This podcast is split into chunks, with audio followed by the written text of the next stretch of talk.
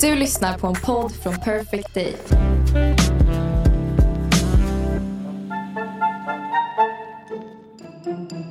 Välkomna till Pascal och Johannes Gubben podcast. Är jag kvar? Va? Lever jag?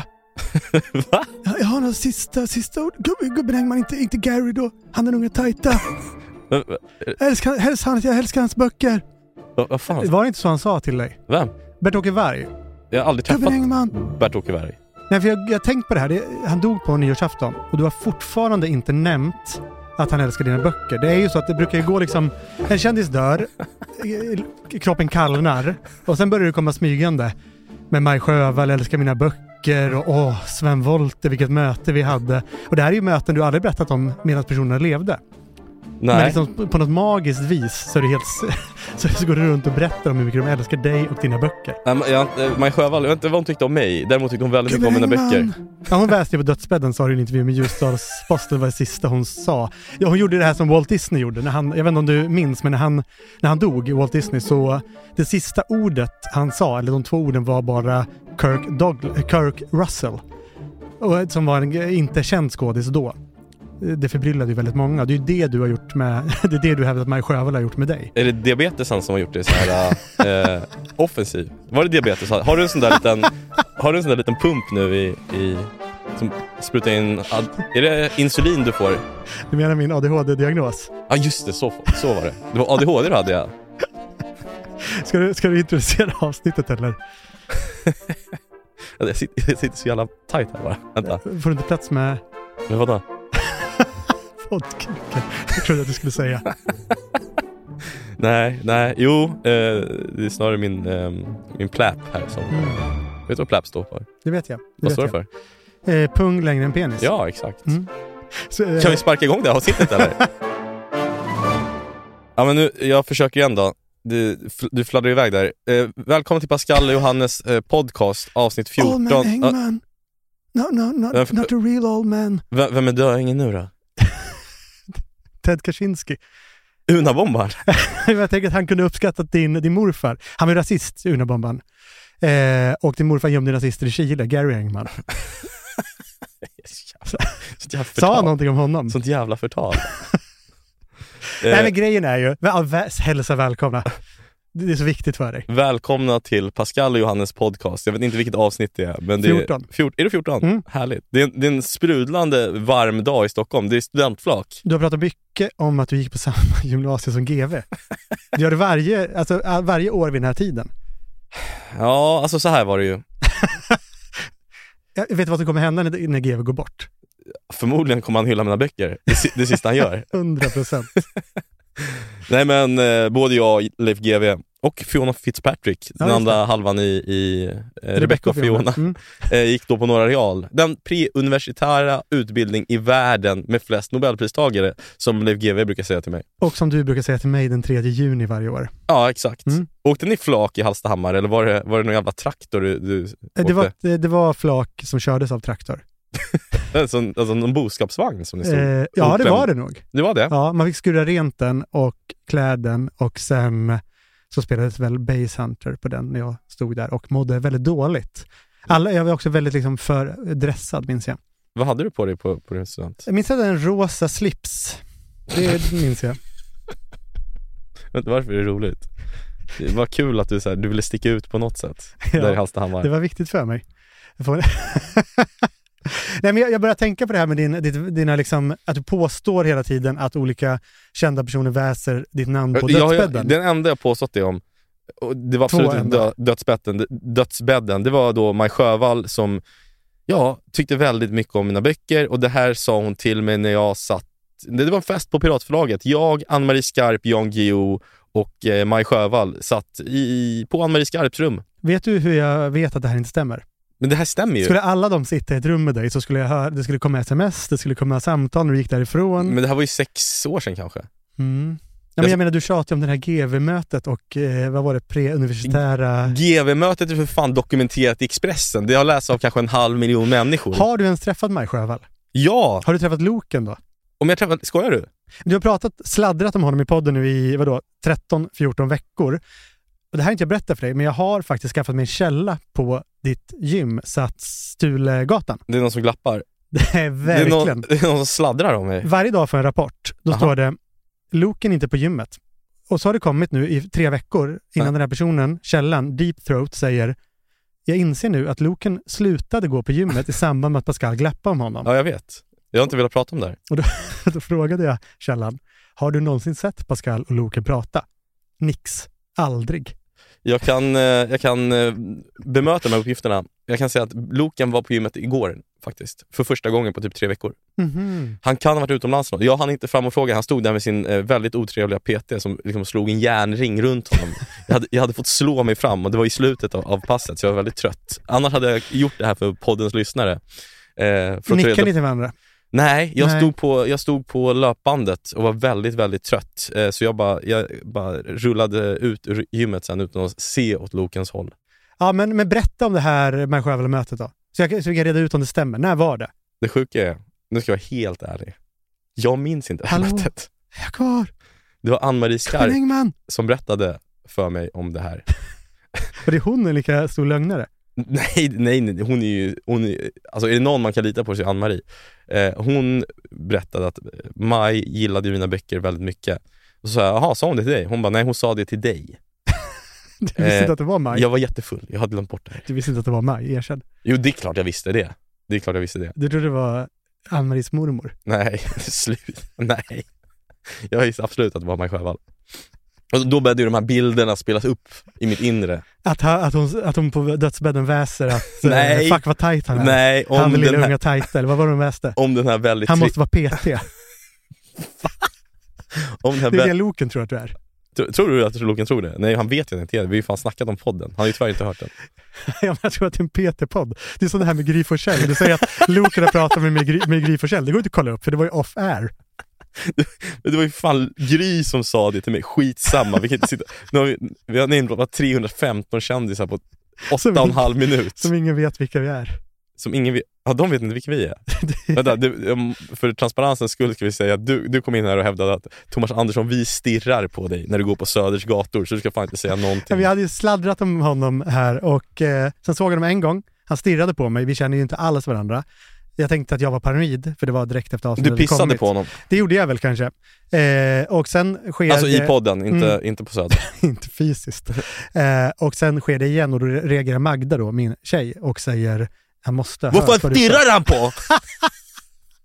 Var det så hon sa? Vad gör han? Han kollar på dig! Va? Exakt så var det. Välkomna till det fjortonde avsnittet.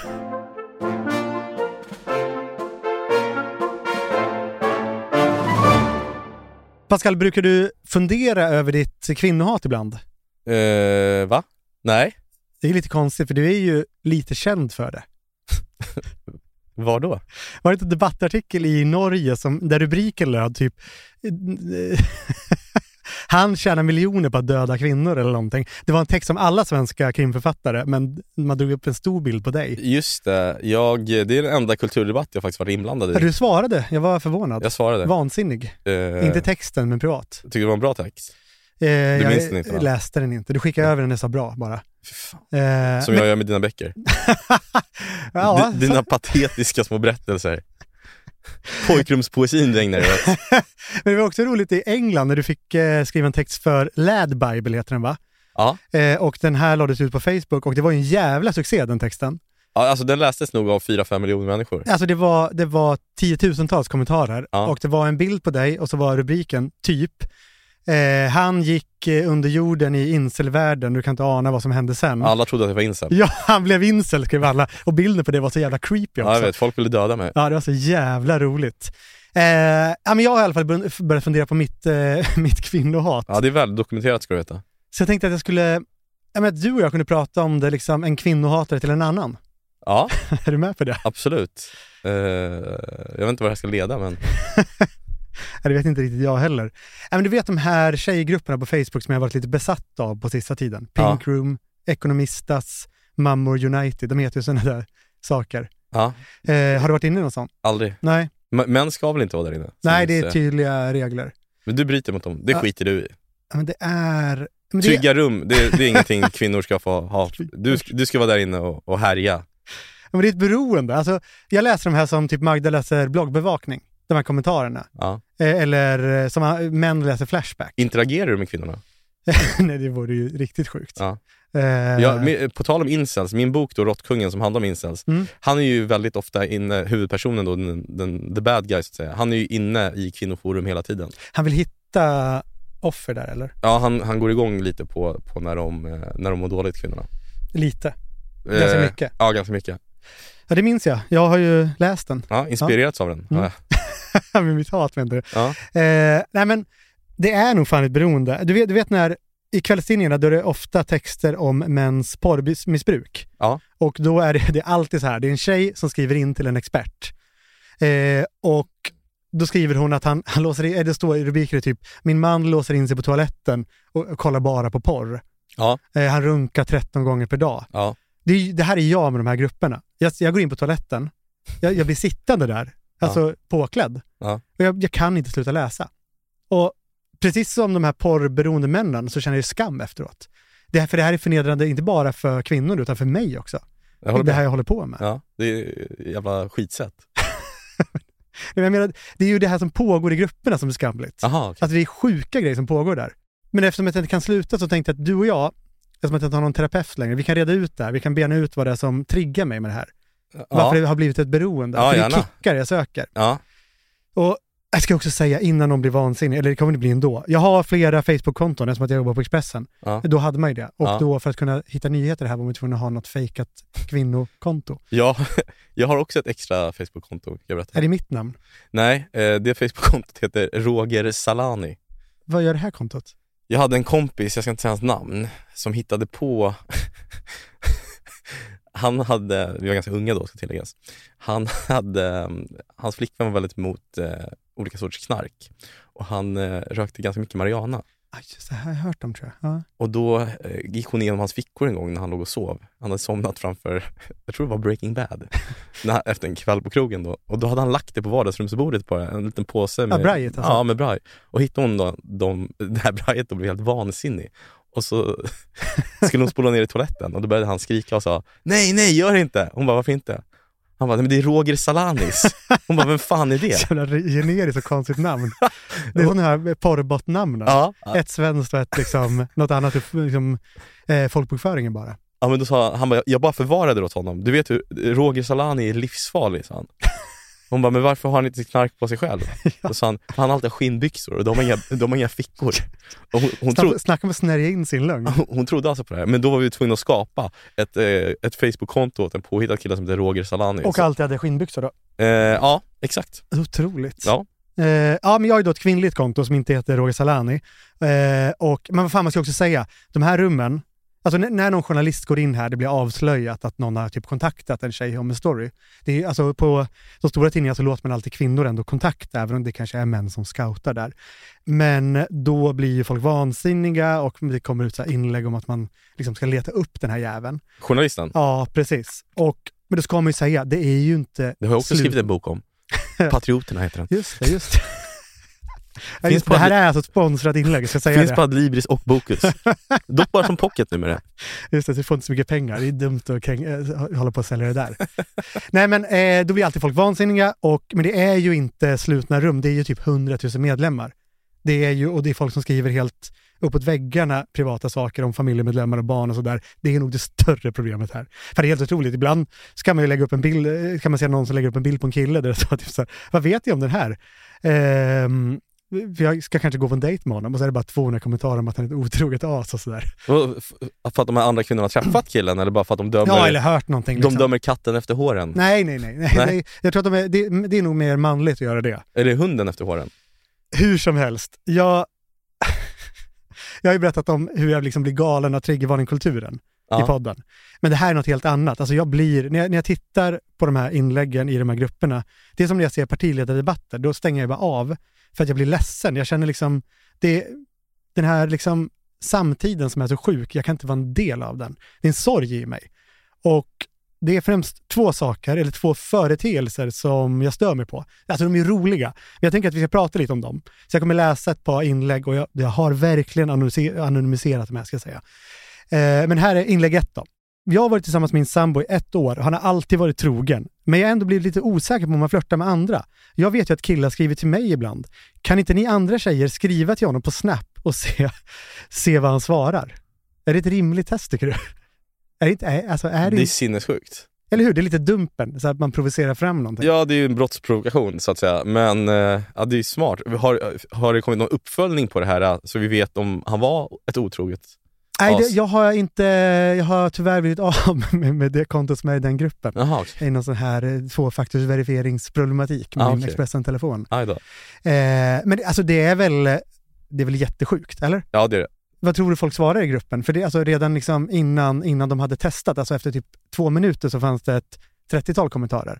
Har ingen aning. Berätta. Kasta han. Kasta han. Men vadå, de visste ju inte ens om... Så om jävla kul. Men de visste inte ens om han hade gjort någonting. Nej, men det är väl, om du, alltså, själva, eh, själva resonemanget var ju typ så här, om du känner så här, då är det förmodligen något problematiskt. Det är inte så här, ni kanske skulle prata om den här osäkerheten, kanske kan han sända ut någonting annat som gör det osäkert, Det eller kanske är något hos dig. Känns som det är hätsk ton här inne. Ja, men det är lite, och det är inte just liksom mot män, utan det är mot allt som, allt som kan vara ett yttre hot. Utan Okej. det är liksom, det ska ju sägas att det inte låter som att, som att jag är en incel här som pratar om kv- kv- kvinnor som hatar män. Så är det inte, utan det kan vara mot arbetsgivare eller socialen eller vad som helst. Det är väldigt onyanserat kan man säga. Okej, ja. Det kan komma av, alltså den här typen av kasta hand, det kan komma av typ så här, min kille hänger, det här är ju faktiska inlägg, min kille hänger mycket med sin syster och jag tycker det är lite creepy att hon sover här när jag är borta. Alltså det är ett annat rum, men, men de är ju ändå syskon, ska man hänga så mycket? Kasta han. eh, eller min kille, det här är så jävla sjukt, min kille vill inte sluta prata med sitt ex som han har barn med. Kasta han. Det är ju helt sjukt. Han måste väl prata med sitt ex om de Det har ska ske barn. en överlämning och det ska vara någon offentlig tråd liksom. De kan liksom inte ringas och bolla barngrejer. Men herre, folk, folk är, jag blir fan upprörd. Ja, det blir det va? Ja, nu, du, jag, kommer du stänga in dig på toaletten? jag kommer in där, kasta allihopa ska jag skriva. kasta er. Ja, men det, det är så jävla kul det här, för det är verkligen, man reagerar med magen på, Ja. på sina egna osäkerheter och Ja. så kör man.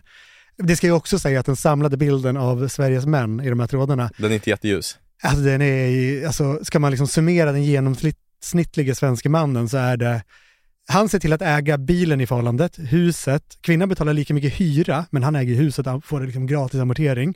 Och sen skiljer han sig och kastar ut den här kvinnan på gatan och vägrar betala för barnens aktiviteter för hon har ju ändå vårdnaden med, ska inte hon göra det? Det borde ju ing- ja. Nej, Det är liksom helt bisarrt. Ja, det är fan. Så det ska man ändå, men om vi återvänder till kvinnohatet här, det är ändå det vi är här för att prata om, två män i en podd. Eh, nej men jag, vad fan, jag vet inte riktigt vad som händer med mig, varför jag liksom går igång. Vad, vad händer i dig? Varför blir man så mörk? För att det är människor som använder sina reptilhjärnor för att Mm. reagera på så, saker som är... Det är väl rätt rimligt om vi ska vara helt ärliga att eh, två personer som har ett barn tillsammans faktiskt har någon sorts kontakt. Och de har ju ett speciellt band. De har, de har ju skaffat ett barn tillsammans. Det, jag, blir Ja. fan, det, jag blir upprörd, Det, ja men den, precis, det kommer ju alltid finnas, nu har inte jag skaffat barn och gjort slut, vad vi vet. eh, med att Magda lämnat mig på vägen hit. Du vet något som jag inte vet alltså. eh, Du, du har en källa hos Magda. Nej men jag tror ändå, alltså så här, om jag och Magda är osams och inte liksom pratar i två minuter och Dino kommer in i rummet och gör något gulligt, då ler vi bara mot varandra. Ja. För att det här förenar oss, ja. den här kärleken. Och det är inte säkert att jag skulle le om jag satt där. Det är för att det är Nej, du är arg på mig då så tycker du kanske att Dino stör. Liksom. inte för att jag hatar barn, utan för att vi vill kanske lösa vår grej. Men, men det jag känner, det är, tror jag, min terapeut Engman här, Sveriges svalaste terapeut, Men tight. det säger man Sjöwall i alla fall. Fuck vad tajt han är. Är det här vår samtid så vill inte jag vara med. Alltså, och jag känner också så här, varför får de här tjejerna tillgång till internet? De ska inte få prata med varandra. Det leder ju inte till något gott. Det är problematiskt att jag känner så. Ja, det är det. Det är inte bra. Och jag, men, jag har börjat må dåligt av det här. Det, det är samma som när jag kollade på partiledardebatter, det slutade jag med för att jag mådde för dåligt. För man dribblar bara runt med sanningen, det är liksom en, det, du känner väl samma sak. Det är ju inte en diskussion utan det är snabba poäng där man gärna tar saker ur ett annat sammanhang, eh, vä- vänder på ord, låtsas missförstå, så är det ju liksom till 92 procent. Ja, Det är ju, jag tycker att det är sorgligt och jag kan inte kontrollera det. Eh, men här försvinner jag in i det på något märkligt sätt. Och jag kan inte kontrollera det liksom. Eh, jag, jag sitter där och hatar de här människorna och deras jävla märkliga problem. Och eftersom att min mamma hatar det så mycket så tänker jag, jag kan inte hamna här. Eller hon var liksom, hon var dömande, inte mot...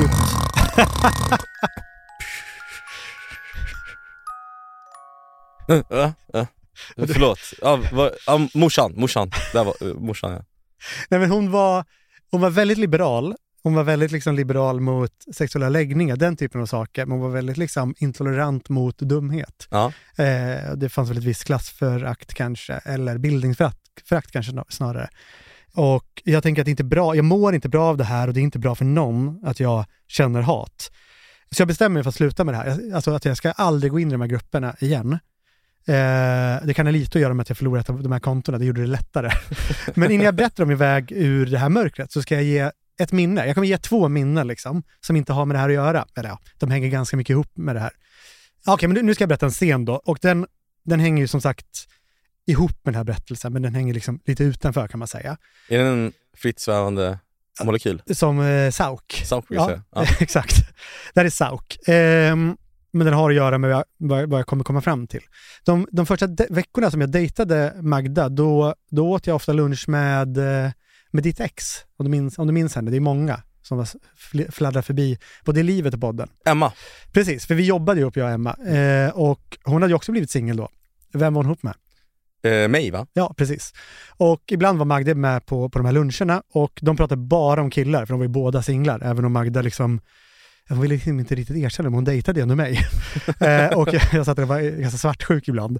Men oavsett vad ditt ex då, Emma, sa, eh, så typ om hon tog upp någon kille, hon kunde säga eh, jag och kille Y Eh, jag vet inte om vi ska ses ikväll, för Magda frågade väl det. Liksom. Och då säger Magda varför? Nej, men jag messade nu för en halvtimme sedan, men jag vet att han har ett lunchmöte, så ja, jag vet inte. Då svarar Magda alltid samma sak. Cut him off. Han ljuger bara. Vill man ses så svarar man. Cut him off. Det ligger någonting i det. Alltså kanske inte om man är på en jobblunch. Du svarar inte då? Om du är på möte med, eh, säg, säg att vi ska byta, skulle byta sig så- förlag. Hörde ni av sig så sa jag. Jag har sett dig... Jag har ju eh, skickat tre sms till henne bara under den här podd, eh, poddinspelningen. Ja men det är, det är för att du inte lyssnar på mig, det är något helt annat, det är mot mig.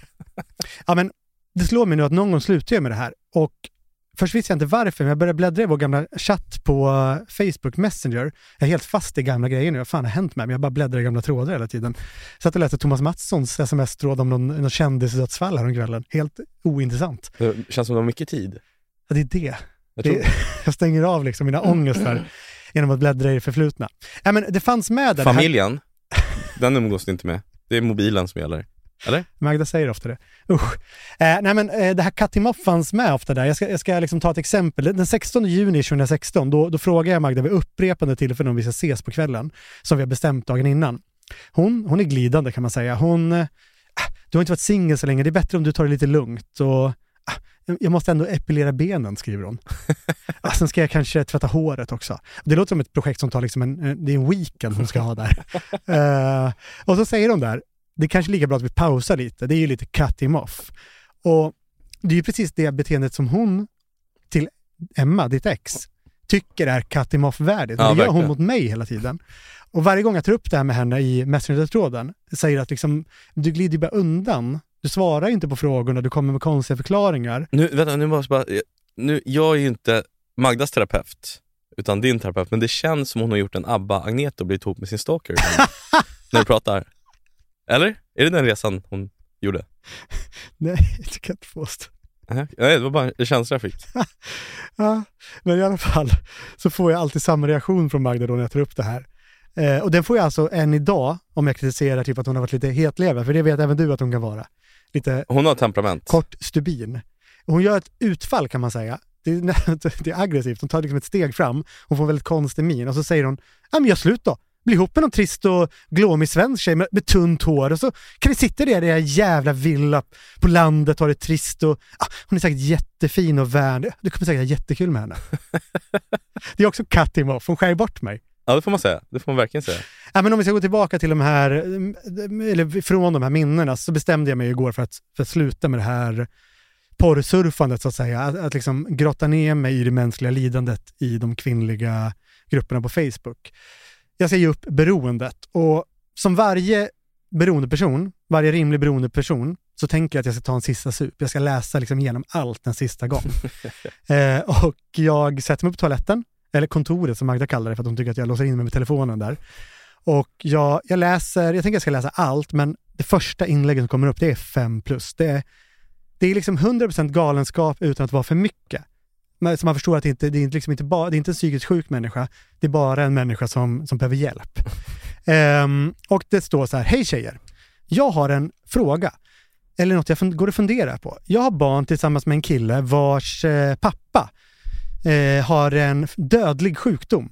Eh, den är ärftlig, den går ner via gener. Och det här har inte han berättat för mig, jag tror inte han själv vet det, men hans mamma sa det till mig. Då undrar jag några saker här. Har hans, eh, alltså farmor till mitt barn någon skyldighet att berätta om sjukdomen? Är det här ens lagligt? Eh, och, och sen tänker jag också så här, om hans farmor har dolt det, går det här sveket också i arv?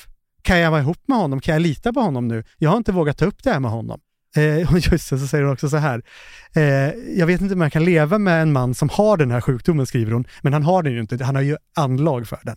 Ah, okay, ja. ja. Han, eh, ja. Bara där börjar man ändå liksom väcka vissa frågor kring hans agerande.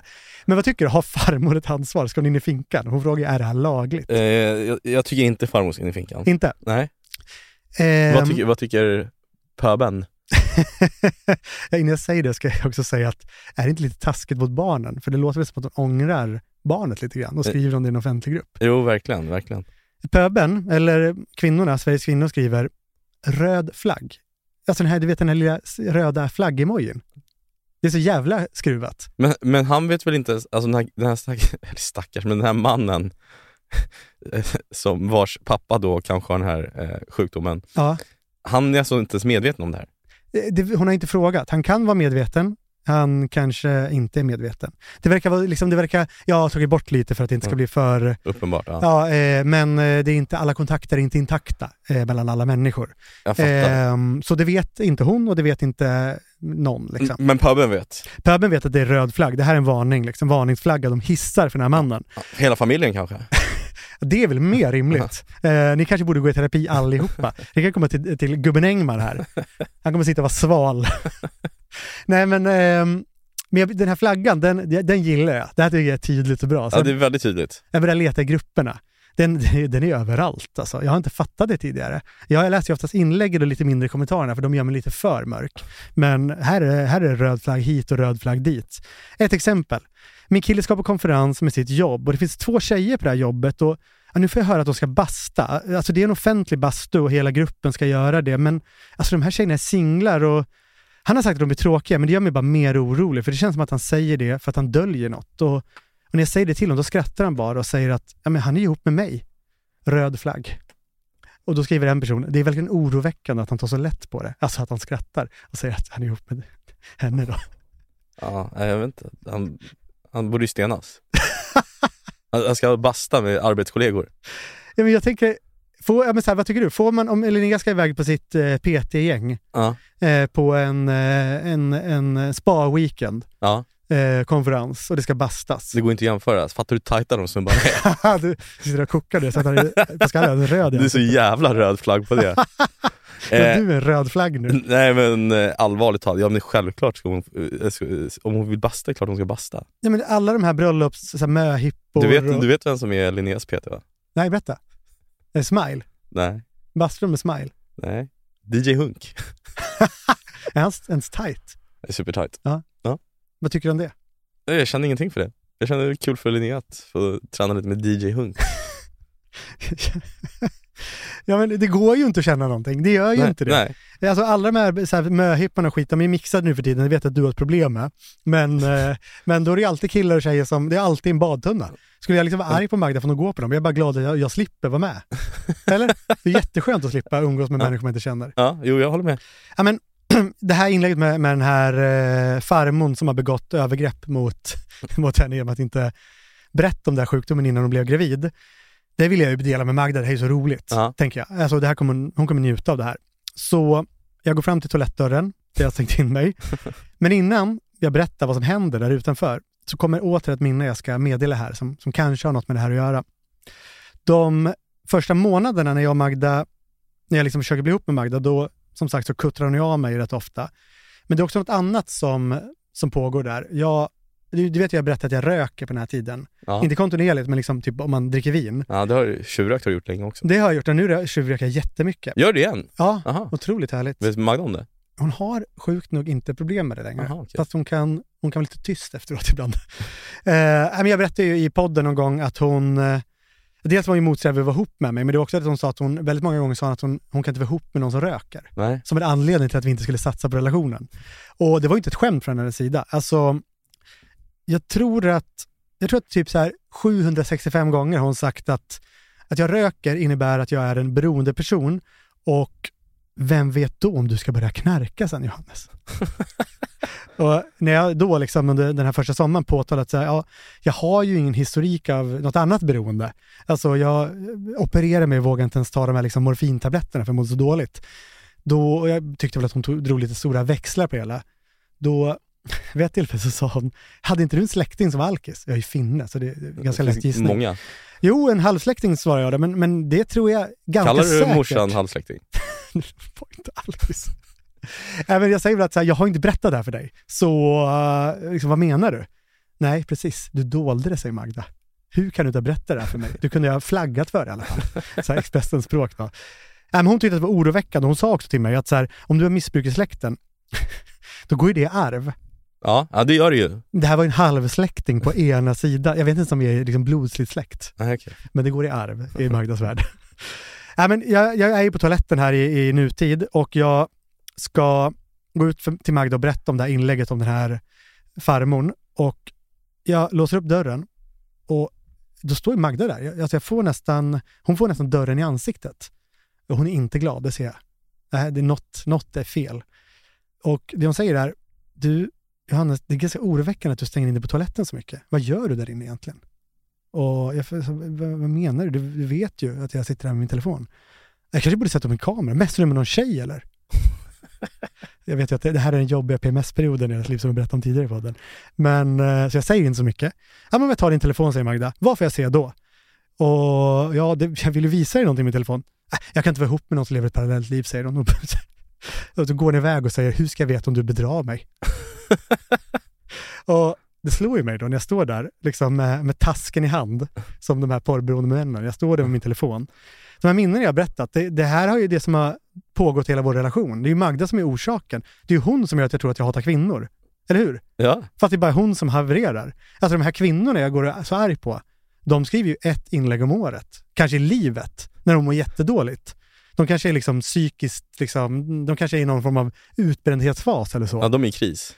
Men eh, Magda, hon, eh, hon gör ju det här varje dag. Hon är ju de här Pink Room-tjejerna. Allihopa i en enda kropp. Hon är ett su- supermonster som fått det värsta av alla Sveriges kvinnor. Och nu utövar hon den här terrorn i vårt hem. Kasta han.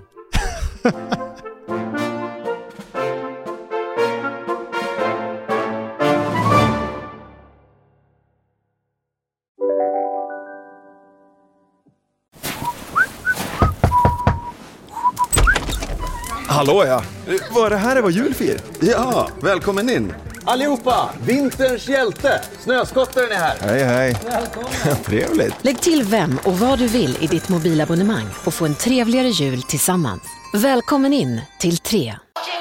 Tiden är inne. Let's maximize this Christmas! Låt oss lysa som stjärnor, göra våra röster hörda och äta julmiddagar som vinnare. Låt oss gå all in och maximize this Christmas med Pepsi Max. Sen min mormor Birgitta dog våren 2022, alltså för ett år sedan, så har jag vägrat prata om det. Du har ju inte ens, du nämnde ju inte ens det för mig förrän i förbifarten ett halvår senare. Nej. Eh, nej, jag nämnde att jag skulle ner på begravningen då.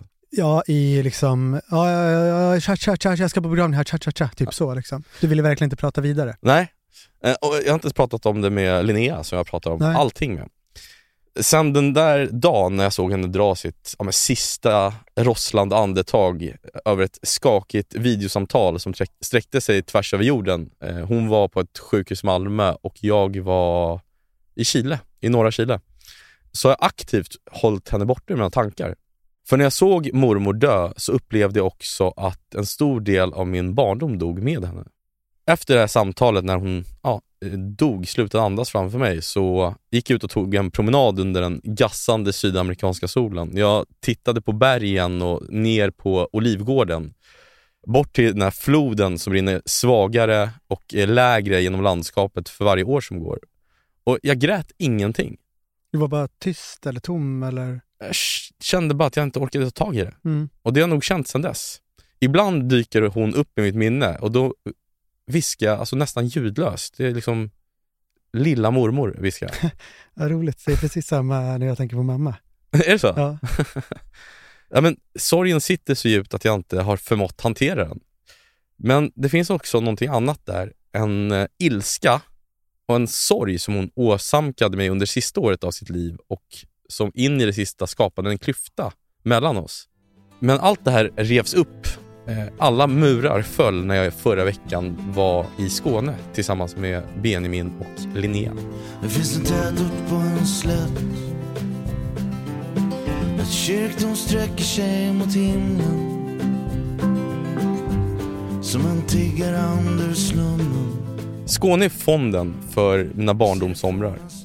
Det här platta landskapet, fälten, havet, fasanerna, eh, de vita stränderna, vindmöllorna, de här vita välskötta gårdarna.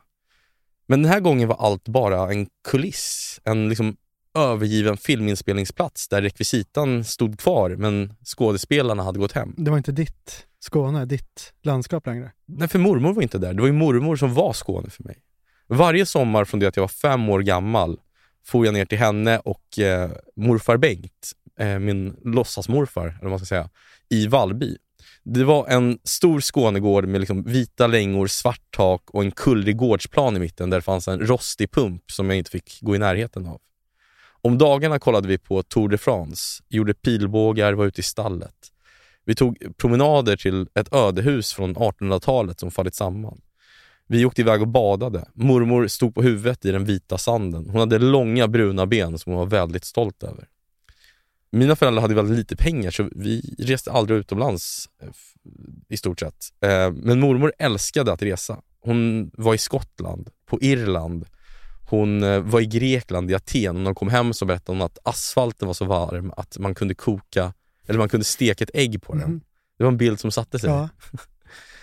Om kvällarna där i Skåne när jag var liten så kom släktingar och vänner förbi. Det dracks och det röktes. Mormor älskade sällskapsliv. Hon älskade att vara värdinna.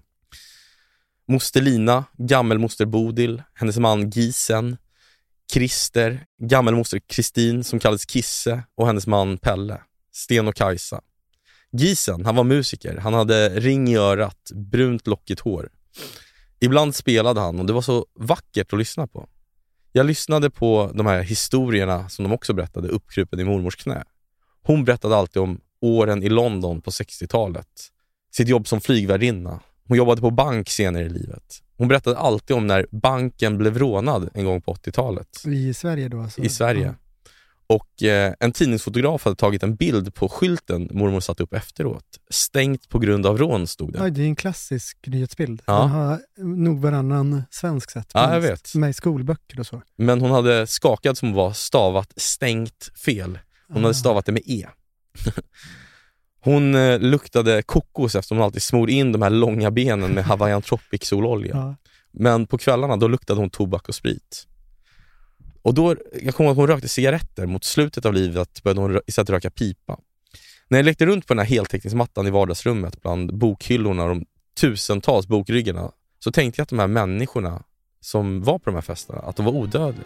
De var odödliga jättar och de skulle alltid finnas. Här glider livet så stilla än Ej stormen rör lågan på härden Här finns tystnad och ro för ett hjärta än Mitt i den larmande världen Mormor var en väldigt stolt kvinna.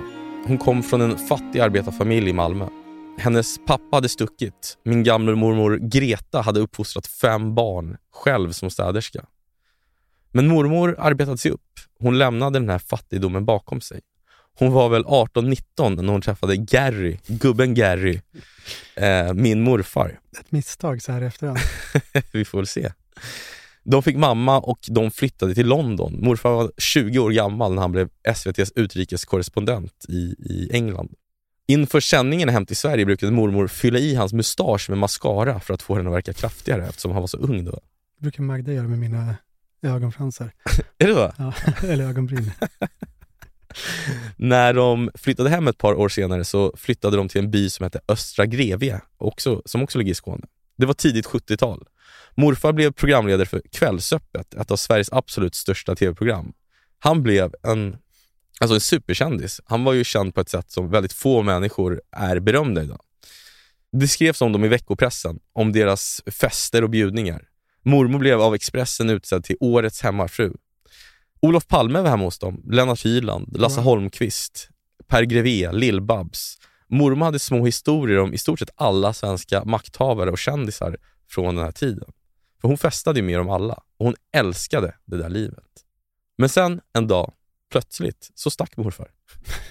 Han stack till Stockholm. Han hade träffat en ny kvinna och hon hette också Birgitta. Ja, det är hon som han eh, var tillsammans med också på slutet sen. Ja, exakt. Han lämnade kvar mormor ensam på den skånska vischan med två små barn. Så mormor fick börja arbeta igen. Men det som var lite sorgligt och som präglade hela hennes liv, det var att hon glömde aldrig morfar. Han var och förblev hennes livs stora kärlek. Det var tufft, riktigt tufft ekonomiskt. Men mormor sa alltid i efterhand, jag tar aldrig emot några allmosor, jag ligger aldrig någon till last. Två tungor har mitt hjärta. Hör på det lika väl. Bli hos mig och gå från mig och fräls mig från mig själv. Djupt i det röda mörkret fick livet dubbel form Där kuttrar det en duva Där väser det en orm Min och mormors relation var speciell. Det går inte att förklara på något annat sätt. Mamma berättade att mormor alltid önskat sig en son, men hon fick ju aldrig någon. Därför blev jag, som var hennes första barnbarn, hennes son. Hon gjorde ingen hemlighet av att hon favoriserade mig. Jag sov alltid i hennes säng och jag minns att radion stod på natten igenom. Hon lyssnade alltid på Studio 1. När jag sen började jobba på Expressen var hon redan pensionär. Hon hade ganska knapert då. Men varje söndag när jag hade hand om de här söndagsintervjuerna så gick hon till matbutiken och köpte tidningen. Trots att hon egentligen inte alls hade råd. Sen ringde hon mig och berömde eller kritiserade mig och berättade någon historia om någon intervju morfar hade gjort.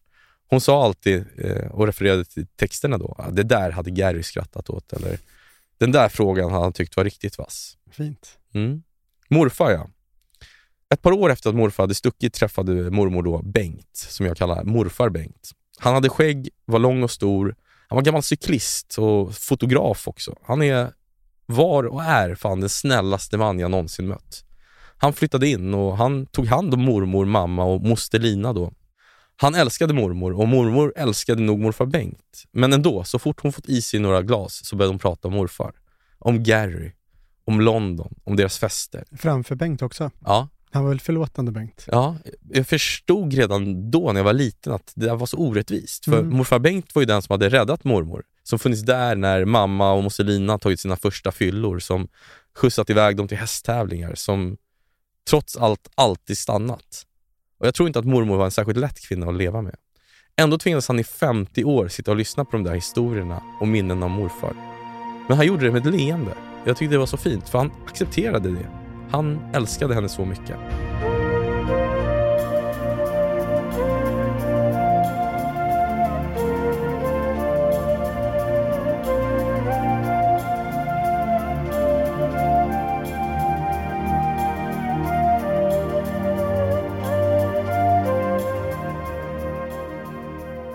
Mot slutet av sina liv fick mormor och morfar Bengt eh, det ekonomiska allt svårare att gå ihop.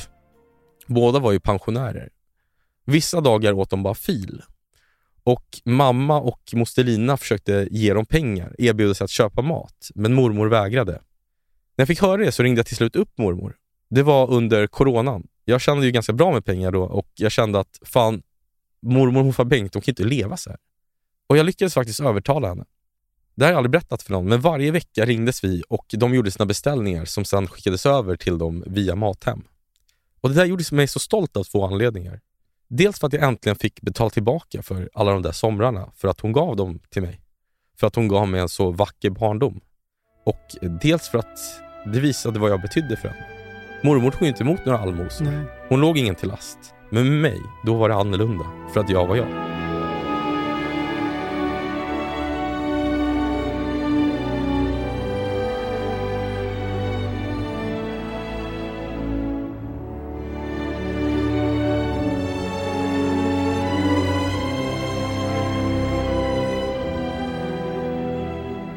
När Linnea blev gravid med Benjamin, då var jag så lycklig. För jag förstod att mormor skulle hinna träffa honom.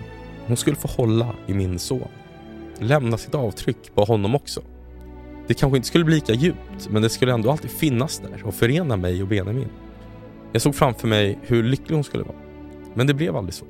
Inte för att mormor hann dö innan Benjamin föddes, utan för att hon helt enkelt vägrade träffa honom. När han väl fötts tjatade jag på henne om att jag skulle komma ner till Skåne och ta honom med mig. Jag ringde en gång i veckan, sen varannan dag. Jag åker vilken dag som helst mormor, sa jag. Men jag vill verkligen att ni ska träffas. Men hon vägrade.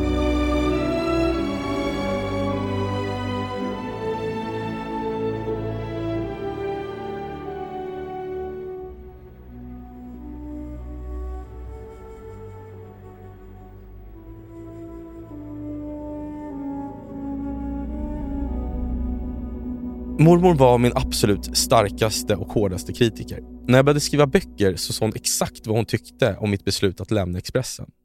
Jag kommer aldrig glömma att det telefonsamtalet när jag berättade om det för henne. Och hon sa bara, jag tror att du gör ditt livs största misstag. Och sen när jag började skriva böcker så var hon besviken på böckerna. I hennes värld skulle jag skriva lika bra som Hemingway. Det var liksom vad hon jämförde mig med. Mm.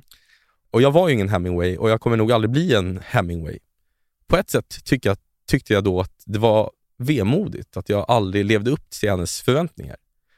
Hon läste ändå mina böcker och hon förväntade sig Hemingway, men hon fick mig. Hon sa det varje gång. Ja, i stort sett. Mm. Och på ett annat sätt tyckte jag att det var så fint, för hon trodde så mycket på mig, på min kapacitet. Och hon vägrade låta mig skicka ner böckerna fast hon inte hade några pengar. Hon ville gå till bokhandeln och kunna säga att det var hennes barnbarn vars namn som stod på bokryggen. Hon var liksom både stolt och kritisk på samma gång där. Ja. Men tiden gick och mormor blev allt sämre. Hon fick cancer, hon ramlade hemma och bröt nyckelbenet. Läkarna upptäckte det inte först. För att stilla smärtan så överdoserade mormor Alvedon. Hon satte i sig nästan ett paket om dagen. Mm. Och eh, till slut kraschade levern. Och fan hon slet och kämpade för att hålla sig kvar i livet. Hon rökte pipa ända in i slutet. Hon läste ända in i slutet. Hon krökade som fan ända in i slutet. Hon lyssnade på radio ända in i slutet. Och jag såg ju slutet komma, men jag fick inte ta med mig Benjamin ner till Skåne. Hon vägrade. Varför gjorde hon det? Jag var så jävla förbannad. Och jag begrep aldrig varför. Jag kommer aldrig få något svar på det. Du frågade eller? Ja, hon vägrade bara svara.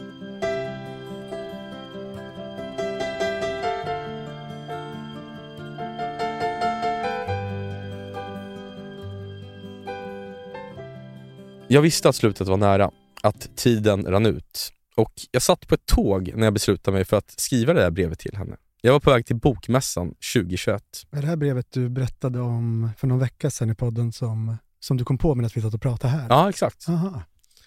Utanför fönstret så svischade höst-Sverige förbi. Det var en väldigt vacker dag.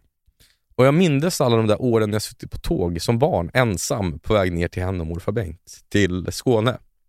Jag skrev det där brevet medan tårarna rann ner för mina kinder. Jag ville berätta för henne vad hon betytt för mig, sätta det på pränt, konkretisera det. Men jag ville också att hon skulle veta att hon hade sårat mig för att hon vägrat träffa min son och aldrig berättade varför. Jag skrev brevet men jag skickade det aldrig. Jag har skrivit miljontals tecken i tidningar, i böcker. Mina texter har säkert blivit lästa av miljoner människor men här fanns det bara en tilltänkt läsare. Men den personen, lilla mormor, hon fick aldrig läsa det. För jag vågade aldrig skicka det. Och sen, ett par månader senare, så dog hon medan jag befann mig i Chile.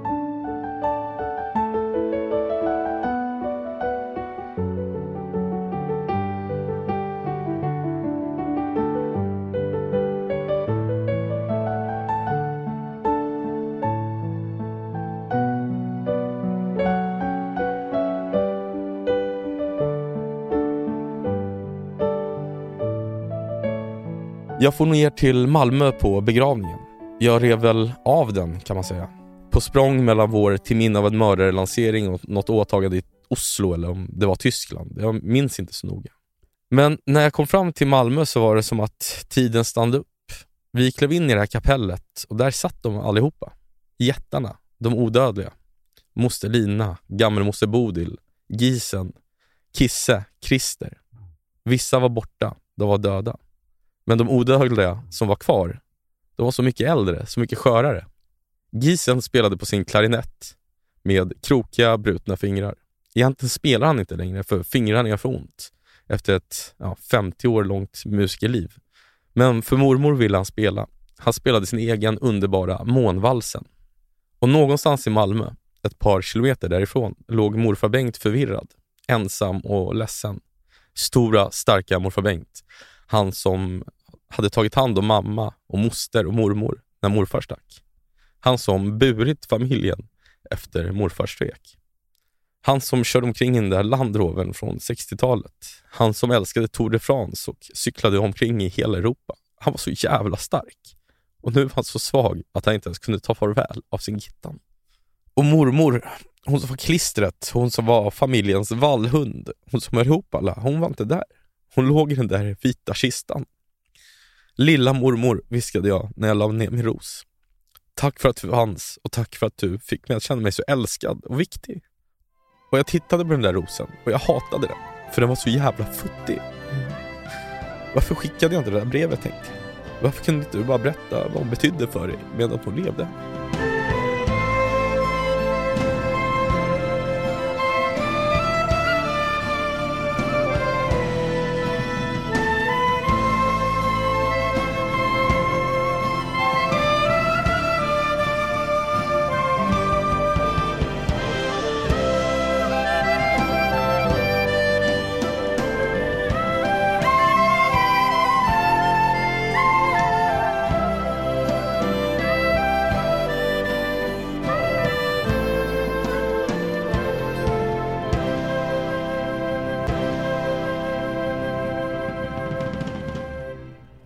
Skåne 2023.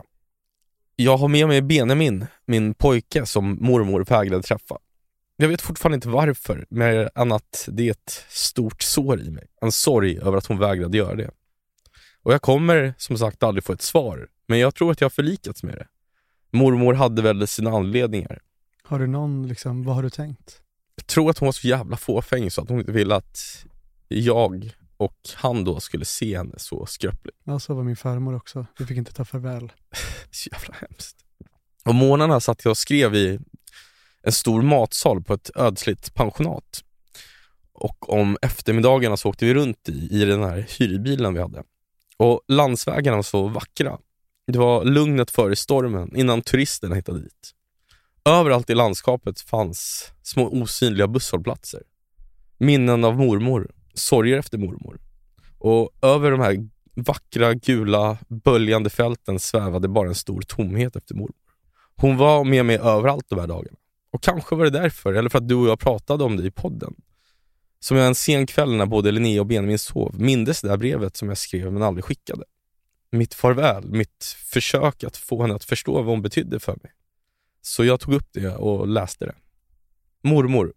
Sen jag fick ett medvetande, har jag alltid vetat, att det var något särskilt mellan oss. Med vår relation, med vår kärlek till varandra. Somrarna i Vallby hos dig morfar Bengt var en trygghet. En av få konstanter i min annars ganska osäkra uppväxt.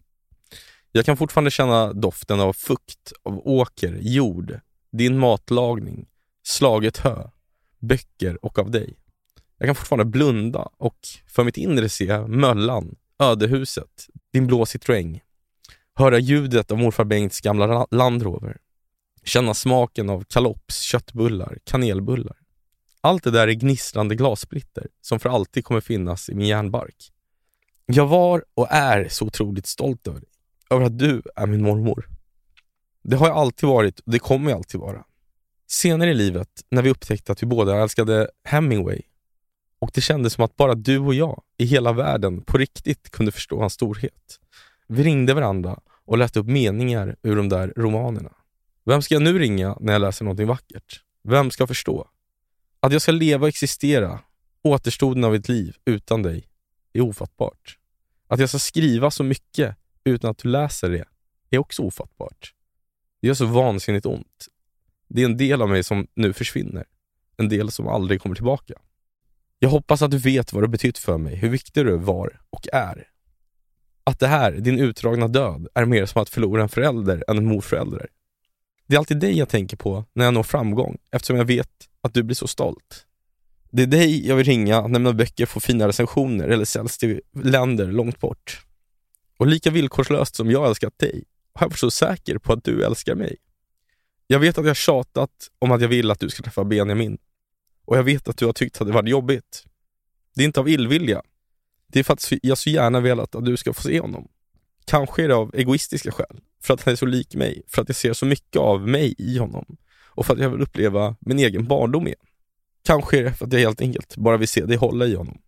Men mest av allt vill jag att han ska träffa den person som, förutom mina föräldrar, har betytt mest för mig i livet. Men det är okej mormor. Jag ska berätta för honom om dig istället. Om alla de där somrarna i Skåne. Fan, det är ofattbart att du ska försvinna. Jag önskar att tiden kunde stå still. Att jag kunde göra klockans visare halta. Jag kommer alltid att minnas dig. Jag kommer alltid att sakna dig. Varenda jävla dag. Ända tills mitt eget liv tar slut. Och jag kommer inte kunna tänka på Skåne utan att tänka på dig. Min älskade, älskade mormor. Jag hoppas du förstår hur djupt jag faktiskt älskar dig och hur ont det kommer göra att leva resten av mitt liv utan dig. Tack för allt du gav mig och tack för att du var min mormor.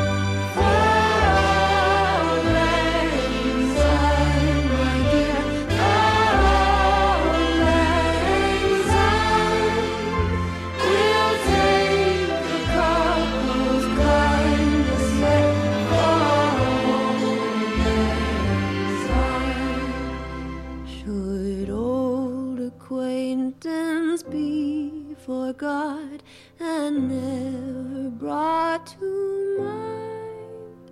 Should old acquaintance be forgot and old lang syne?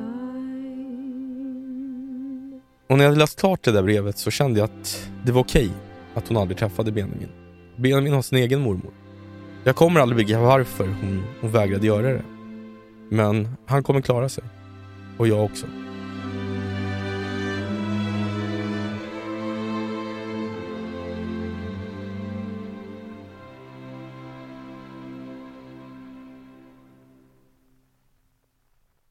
Okej Johannes, så här är det att... Du, du skakar av dig känslorna här. Ja, men jag... Vi har gråtit tillsammans precis. Nu låter det som att vi precis eh, har lärt känna varandra och ska in i ett säljmöte ihop. Eh, Jag, jag sitter här och liksom omskakad. Starkt när du, när du la din hand på min axel, du gjorde det väldigt Ja. ryckigt också.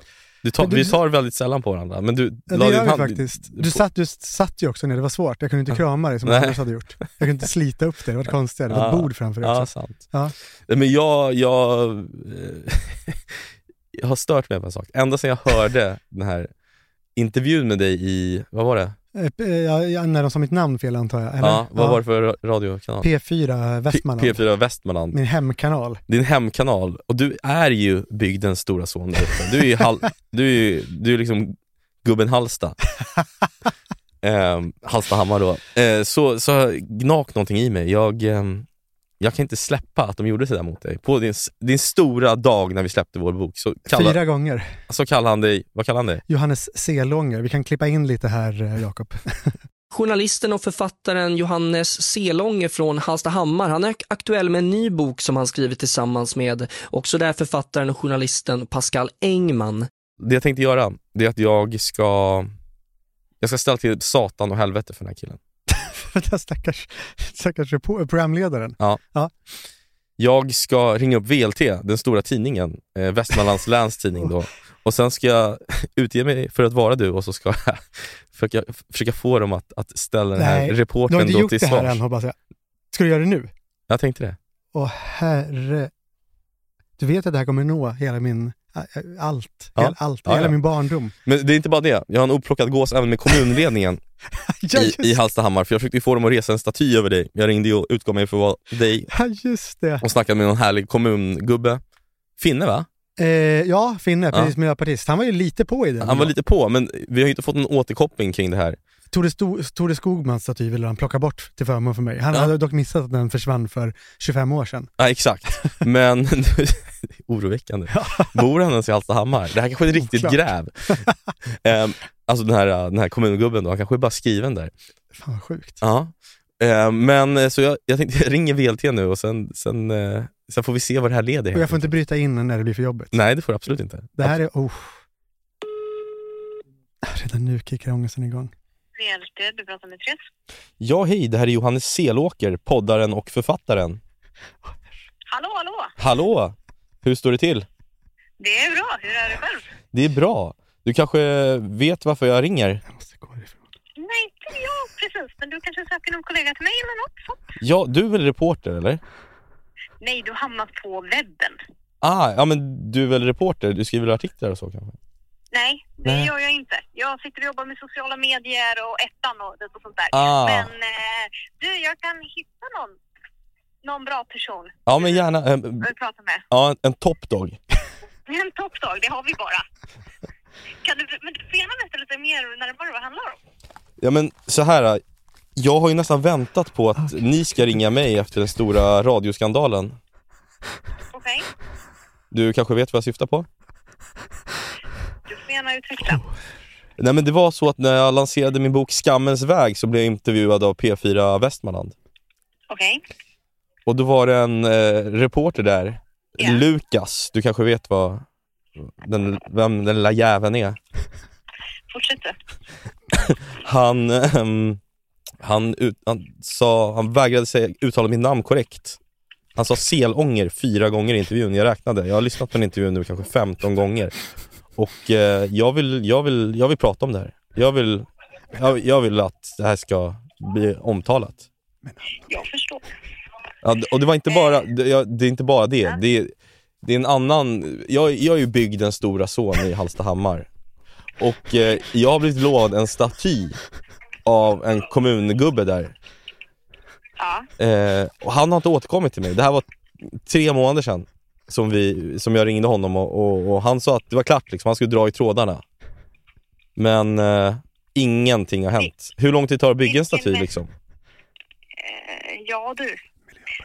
Vilken kommun, vem har du pratat om? Hallstahammar, han var miljöpartist. Ja, vad heter han då? Ja, vad, het, vad heter han? var han finne. Passajärvi, vad brukar de heta finnar? Det är nog lika individuellt som, som här misstänker jag. Så att, eh, Vänta nu, nu, Peter Ristokaro. ja. Och eh, vem skulle statyn vara? Av mig. Jag, grejen var ju så här att eh, min förra bok då, Till minne av en mördare var Sveriges nionde mest lyssnade bok på Bookbeat. Det är inte dåligt. Och, Nej, verkligen inte. och Hallstahammar har ju liksom inte haft någon, någon, någon som varit ute och, och, och, och lyft bygden på det sättet jag har gjort sen, sen Linda Rosing var ute och, och, och liksom syntes i spalterna. Jag minns inte när hennes senaste förlovning med Fadde var men, men eh, du, du förstår vartåt jag vill komma. Och han, han sa att han, han var beredd att riva den här Tore Skogman-statyn då. Gubben Skogman hade gjort sitt, tyckte han. Mm. Men eh, här står jag nu, utan staty och förnedrad i min egen hemradio. Det går bra för mig här ska du veta. Thomas Andersson Vi kollade på mig idag, Eh, han gick förbi mig, vet du om det är? Thomas Andersson Vi. Han, han, han, han stirrade på mig. För jag hade, jag hade snaskat om honom i min podcast. Jag var på fest med Amanda fucking Schulman förra veckan. Och? Henne? Nej hon var där bara, vi rökte en cigg. Ja, ja. ja okej. Emil Persson var där. Jag. Jag, kan fortsätta i all evighet. Jerka Johansson. Han var där, satt och berättade för mig om setlist. Det händer inte varje Hallstahammar-grabb, det där är inte. Nej, nej, nej. På radion då? Har du pratat med P4? Vad säger de? Nej men nu får, det, det blir lite pinsamt att ringa dit. Jag tänkte att ni, ni kanske kan höra av er till dem och så har vi en klassisk pajaskastning liksom i, i medierna. Det känner ju alla på. Ja, men vad bra. Då ska jag framföra det här till våra nyhetschefer. Ja men jättebra, och då är det bara att ringa upp. det är de som, ja, för det är de som bestämmer Bra. vad, vad vi skriver om och sådär. Ja, ja men det här känns ju som ett givet case. Det känns ju som minst ett löp va? Hallstahammars stora son förnedrad i, i radion. Eller statyn som glömdes bort. Ja, men du är jättebra. Jag, ska, jag, jag hälsar. Så får, vi har ju telefonnumret så får de... eh, De ringer om Gör det aktuellt och vi- så att du vet. Nu, jag, jag sitter vid telefonen och väntar. Tack så mycket. Ja, Hej, hej. jättebra. Hej. hej, hej.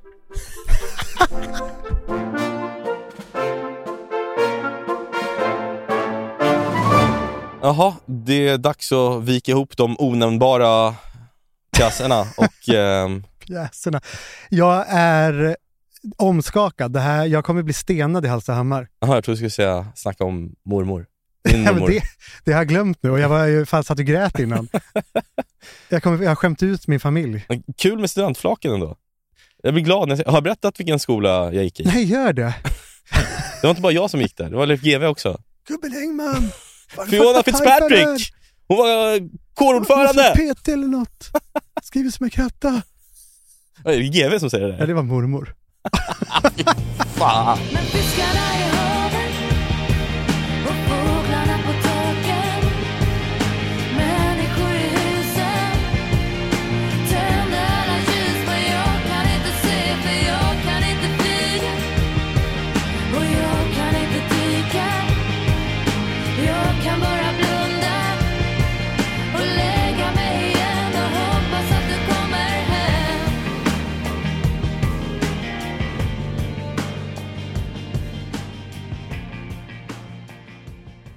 Den här podcasten är producerad av Perfect Day Media.